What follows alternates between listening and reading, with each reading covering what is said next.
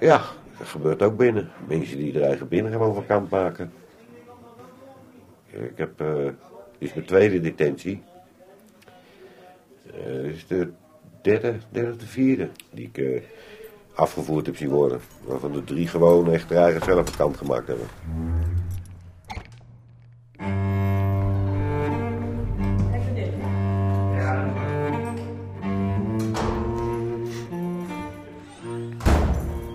Je luistert naar Binnen de Muren.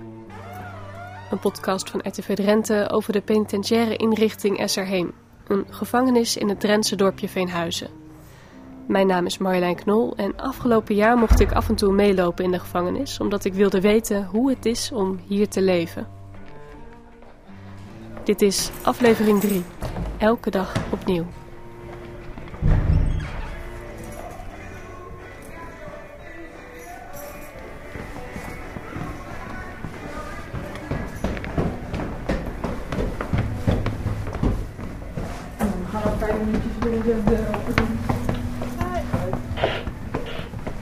Iedere dag gaat de celdeur open om half acht 's ochtends. Dan kunnen de gedetineerden ontbijten op cel. Maar vanmorgen ging het net even wat anders op de vadervleugel. Vanmorgen stonden alle gevangenen en de bewakers namelijk in een groep voor de cel van Frans toen zijn deur openging. stonden ze eh, 's morgens al eh, bij mij. Iedereen heeft gezongen hier. En vooral deze man. Ja. Maar het was wel leuk. En de overbuurman. Er is er een jarig, zongen ze. Dus ik ben vandaag 54 geworden. Schoon aan de haak. Want vandaag is Frans jarig. Ja, ja. En daarna ging de dag gewoon net als anders verder. Een dagdeel werken, of zoals ze het in de gevangenis zeggen, Ja, naar de arbeid toe. Dan, dan, dan luiden ze de bel. Dan loop je door een gang heen. Je gaat door twee roldeuren heen. En dan loop je tussen hekken door. Verderop gaat er weer via camera's, houden ze in de gaten. Gaat er een hek open en dan kom je op de arbeid. Bij de arbeid, zoals ze zelf dus zeggen, doen de mannen van alles. Van het oogsten van hop om bier te maken voor de lokale brouwer Malust tot het maken van barbecues in werkplaatsen. Met het werk verdienen de gedetineerden wekelijks zo'n 15 euro. Veel mannen zijn blij met deze regelmaat en vooral ook met het werk. Niet dat die arbeid of het loon zo fantastisch is, maar omdat de tijd dan sneller voorbij tikt. Hans werkt in het magazijn en hij is blij met die baan. Daar eh, heb ik zeker de vrijheid die je bijna bij een baas hebt. Ik ken erin, eruit. eh, er is niemand die me in de gaten houdt, want ik kom over, over het hele werkterrein heen. Dus ik kan gaan en staan waar ik wil. Dat is weer een privilege die je dan verdiend hebt. En dingen kan je verdienen, moet je verdienen, want je krijgt hier niks cadeau. Dat is wel jammer. Ja, het is zoals het is. In het andere dagdeel hebben de mannen vrije tijd, kunnen ze sporten of bezoek ontvangen. In hun vrije tijd kunnen ze naar buiten, de luchtplaats op of blijven op de eigen afdeling. In de leefruimte is bijvoorbeeld een biljarttafel, tv met banken en een grote keuken. Maar de gevangenen kunnen ook via de luchtplaats lopen naar de bibliotheek. Om te lezen of te studeren zoals sommigen doen. Ze zijn op één hand te tellen, maar toch. Een van de mannen op de vadervleugel bijvoorbeeld doet een studie bedrijfskunde.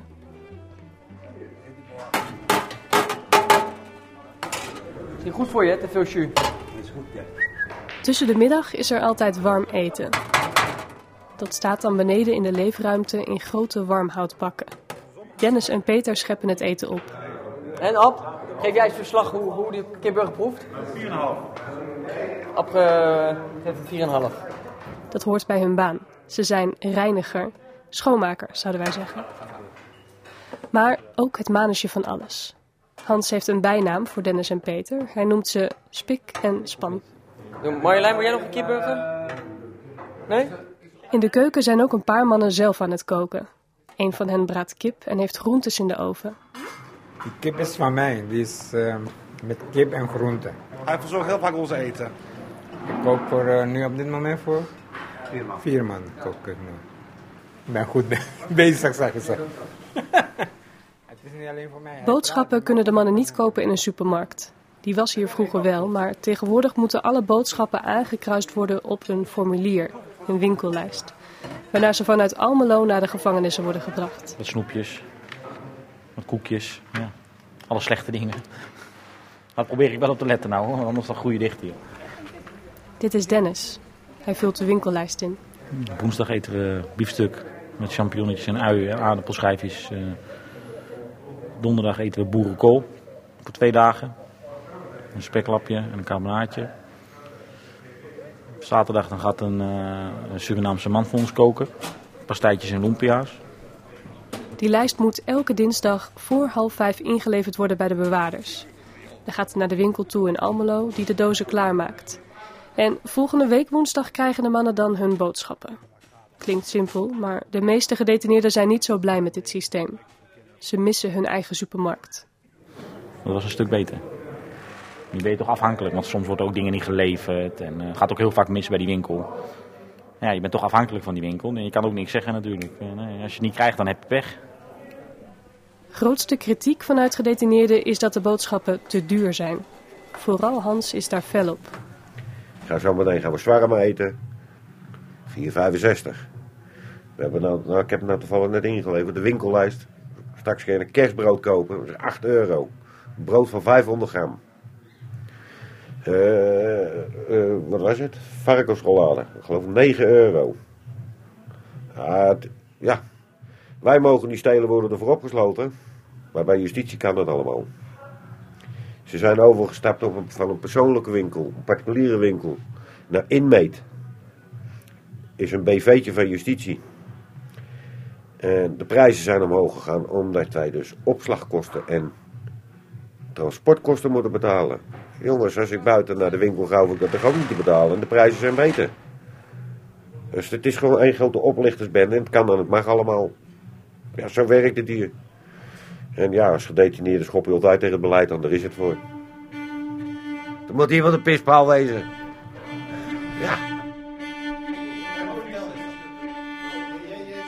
Als je je afvraagt hoe de gevangenen deze dure boodschappen betalen, contant geld is er hier niet. Het zou ook niet logisch zijn, want de gevangenen kunnen het nergens gebruiken. Ze hebben een interne rekening waarvan buiten geld opgestort kan worden. Met die rekening kunnen ze hun boodschappen betalen en ook belminuten kopen voor de telefoon in de gang. Voor al het overige betalen de gevangenen elkaar in boodschappen of voor een wederdienst.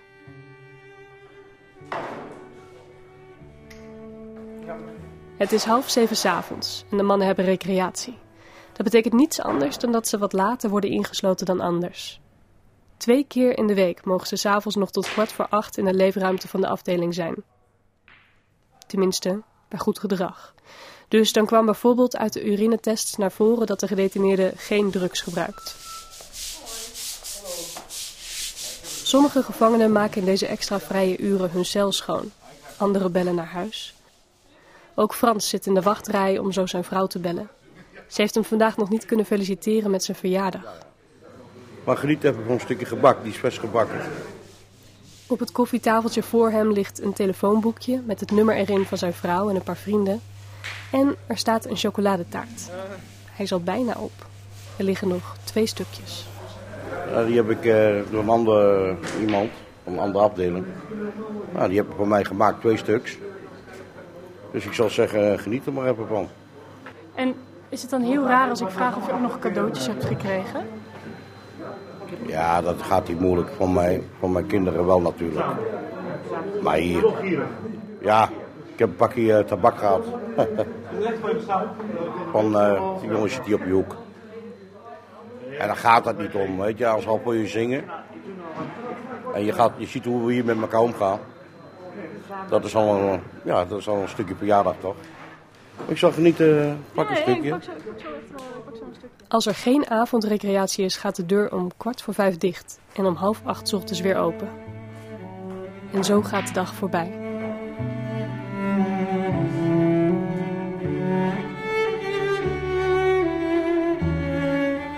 Ja, je moet in je hoofd moet je ergens een knop op zien te zetten.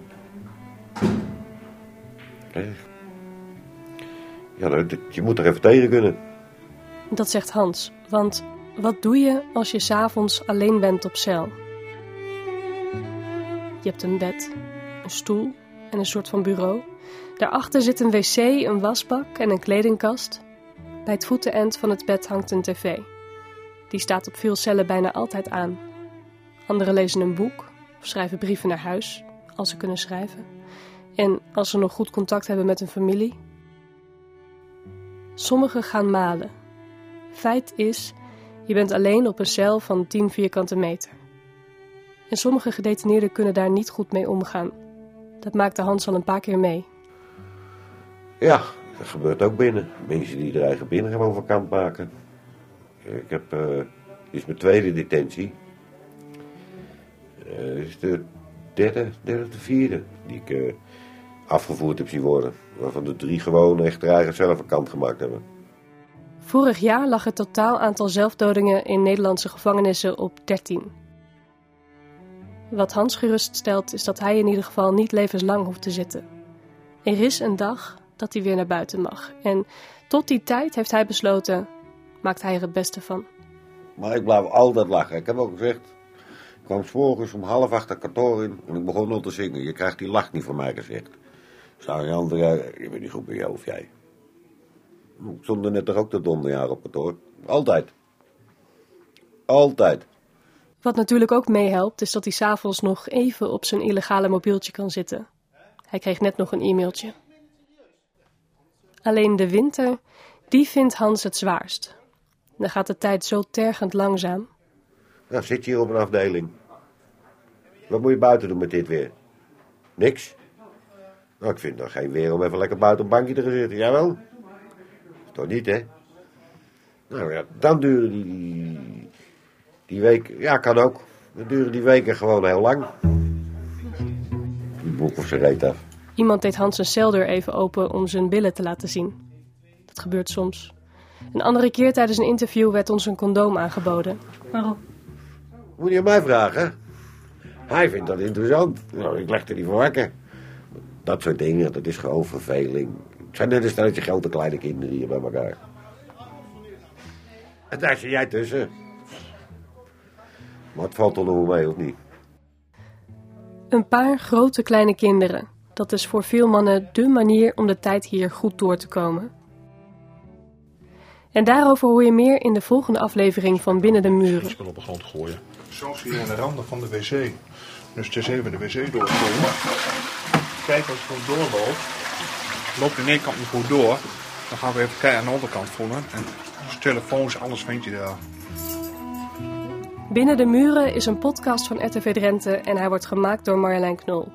Eindredactie Sophie Timmer, eindmontage Björn Brouwer. De podcast kwam tot stand met hulp van Juro van den Berg en bovenal de penitentiaire inrichting Esserheem, die mij alle ruimte gaf om met gedetineerden en bewaarders te spreken.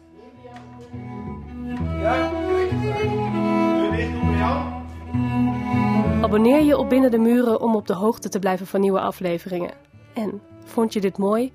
Laat dan even een reactie achter. Dan kunnen meer luisteraars ons vinden.